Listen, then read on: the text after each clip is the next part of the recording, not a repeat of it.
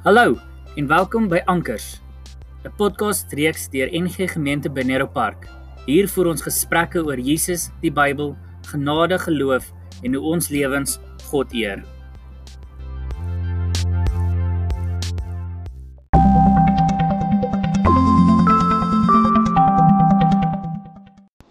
Goeiemôre. Ons lees vanoggend uit die heel laaste hoofstuk van Efesiërs uit. Dit is hoofstuk 6. En dan is ons klaar met Efesiërs.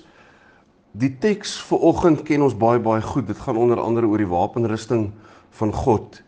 Maar wat vir my mooi is is vers 10 wat sê vind krag in julle verbondenheid aan die Here. Ja, in die krag van sy sterkte. Dit het nogal vir my uitgestaan in hierdie teks dat ons krag lê in ons verbondenheid met die Here in sy sterkte nie ons eie nie. En die krag van die verbondenheid van ons verbondenheid aan ons in Christus wees daarin lê ons krag. Dit was vir my so mooi toe ek dit weer lees vanoggend. Om te kan weet ons kan nie uit onsself uit nie maar ons krag lê in ons verbondenheid aan die Here. En dan kan 'n mens seker nie die wapenrusting van God ignoreer nie. Ons ken dit baie goed, soos wat hy dit daar verduidelik hoe Paulus vir die ouens in Efese skryf om te sê maar dis hoe julle die duiwel teenstaan. Wat interessant is van die Bybel wat ons moet leer in die Nuwe Testament sê dit ook baie duidelik. Die Nuwe Testament ontken op geen manier die bestaan van Satan nie, glad nie. Um hy sê juis ons moet weerstand bied, um want hy's besig soos 'n brullende leeu en daar's 'n klomp dinge waarmee Satan vergelyk word om te sê maar sy krag lê daarin. Maar en dis 'n groot maar wat die Bybel in die Nuwe Testament ook vir ons leer is dat Satan oorwin is. Ons het Johannes terwyl ek op universiteit was by Prof Jan van der Walt behandel en hy het vir ons gesê ons moet dit so onthou dat Satan is vas aan 'n ketting wat Jesus vashou. Hy het hom oorwin. En dis soos 'n hond wat jy vashou aan 'n leiband. En so is Satan aan 'n ketting vas wat Jesus vashou. So hy's nie onskadelik nie, glad nie. Maar as jy binne die afstand van die ketting kom, solank as wat die ketting is en jy kom binne die bereik van Satan, dan gaan jy seer kry.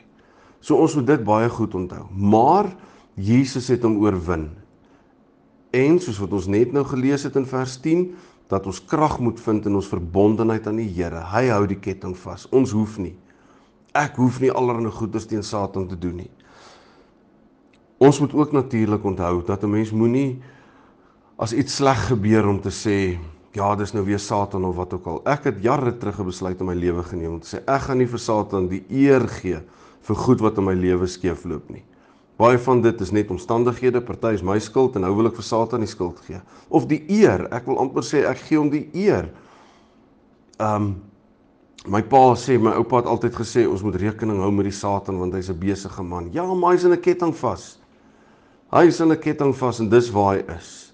So ek het gesê ek leef 'n oorwinning omdat Jesus vir ons uit die dood uit opgestaan het en vir Satan oorwin het. So ons moenie vir Satan oral gaan soek nie.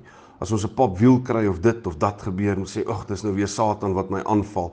Baie mense doen dit rondom huwelike en so aan. Partykeer is dit net omdat mense ongehoorsaam is aan hulle huweliksooreenkoms met hulle maat. Om te sê ek sal vir jou alleen lief bly. So kom ons onthou as ons by die laaste hoofstuk van Efesiërs is dat ons 'n oorwinningslewe lei.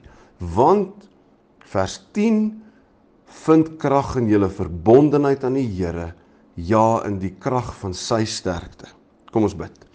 Hemelse Vader, dis vir ons so goed om ver oggend uit Efesiërs 6 uit te kan lees en te kan sien dat ons krag lê in ons verbondenheid met die Here, met U.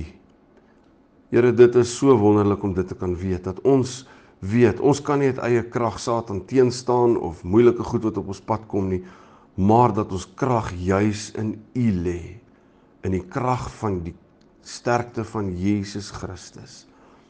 Ons lewe oorwinningslewe. Heilige Gees, herinner ons elke oomblik daaraan dat ons nie hoef te soog nie. Satan is in 'n ketting vas wat Jesus vashou. ons lewe 'n lewe van oorwinning. Amen.